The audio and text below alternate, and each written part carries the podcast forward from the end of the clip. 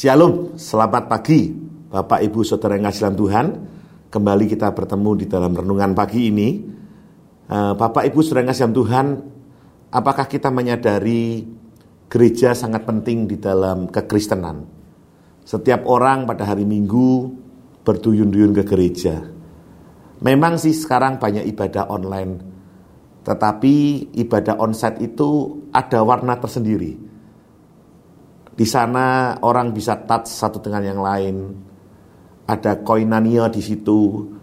Tuhan bekerja atas gereja.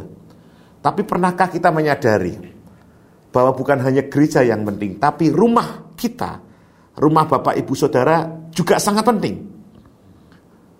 Seberapa penting rumah bagi kehidupan kita?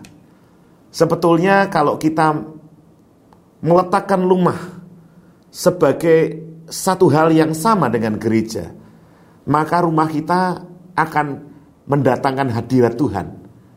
Berapa banyak kita yang menyadari bahwa Tuhan memandang rumah dan keluarga adalah sangat amat penting. Ulangi bersama dengan saya. Rumah dan keluarga adalah sangat amat penting. Kenapa? Tuhan memulai kehidupan manusia dengan pernikahan atau keluarga. Komunitas pertama yang Tuhan bangun, kejadian 1 ayat 28. Tuhan memberkati mereka Adam dan Hawa adalah sebuah keluarga.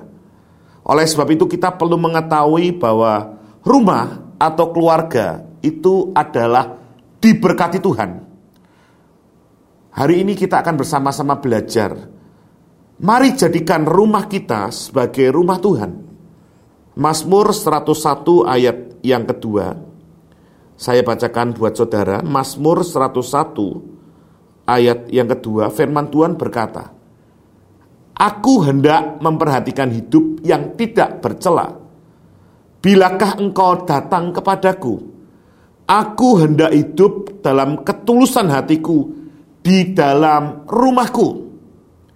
Rumah sangat penting Selama ini kita sering salah kaprah Bapak Ibu bahwa rumah Tuhan itu hanya gereja. Tapi sebenarnya sebenul, sebetulnya harus adalah rumah di mana kita tinggal adalah rumah Tuhan. Kita bisa menaikkan pujian di dalam rumah-rumah kita. Artinya tempat di mana Tuhan mau tinggal dan diam di sana. Di dalam rumah kita juga memperlakukan hal yang sama ketika kita berpelaku di gereja. Di gereja kita menyembah Tuhan.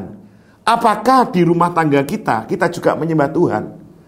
Di rumah, di gereja kita mengasihi teman-teman kita, keluarga besar kita di gereja, saudara-saudara kita, keluarga kedua kita. Demikian juga kita mengasihi suami kita, mengasihi istri kita, mengasihi anak-anak kita. Di gereja kita melayani. Demikian juga di rumah kita melayani istri kita. Kita melayani suami kita. Kita melayani anak-anak kita. Di gereja kita berdoa. Tapi apakah di rumah tinggal kita? Kita juga berdoa. Bapak ibu saudara, jadikan rumah tinggal kita, rumah kita seperti gereja. Maka hidup kita akan diberkati. Mazmur 128 ayat 1 sampai 6. Ayat ini merupakan ayat hafalan sebetulnya. Berkat atas rumah tangga judulnya. Nyanyian ziarah berarti ini sebagai nyanyian gitu ya. Berbahagialah setiap orang yang takut akan Tuhan, yang hidup menurut jalan yang ditunjukkannya. Apabila engkau memakan hasil cerih jerih payah tanganmu, Berbahagialah engkau dan baiklah keadaanmu. Perhatikan. Ketika Tuhan memberkati rumah tangga kita, istrimu akan menjadi seperti pohon anggur yang subur di dalam rumahmu. Anak-anakmu seperti tunas pohon zaitun sekeliling mejamu. Sesungguhnya demikianlah akan diberkati orang laki-laki yang takut akan Tuhan. Kiranya Tuhan memberkati engkau dari Sion, supaya engkau melihat kebahagiaan Yerusalem seumur hidupmu dan melihat anak-anak dari anak-anakmu damai sejahtera atas Israel. Bukan hanya anak-anak, tetapi cucu kita diberkati Tuhan. Artinya apa Bapak Ibu Saudara? Berbahagialah dan baik keadaanmu, sehat, sejahtera, dan diberkati Tuhan luar biasa. Istrimu seperti pohon anggur. Anggur adalah sumber sukacita. Istrimu menjadi sumber sukacita dalam keluarga kita. Anak-anak kita menjadi tunas pohon zaitun yang memiliki masa depan yang gemilang, masa depan cerah. Tunas-tunas zaitun tumbuh. Dan yang terakhir, laki-laki suamimu diberkati Tuhan Kondisi pandemik boleh ada, tapi pekerjaan dan usahanya diberkati Tuhan maju. Dan di dalam nama Yesus berkat rumah tangga ini terjadi atas setiap Bapak Ibu Saudara. Hari ini engkau yang ingin diberkati Tuhan, mari angkat tanganmu bersama dengan saya. Tuhan Yesus kau melihat tangan-tangan yang terangkat.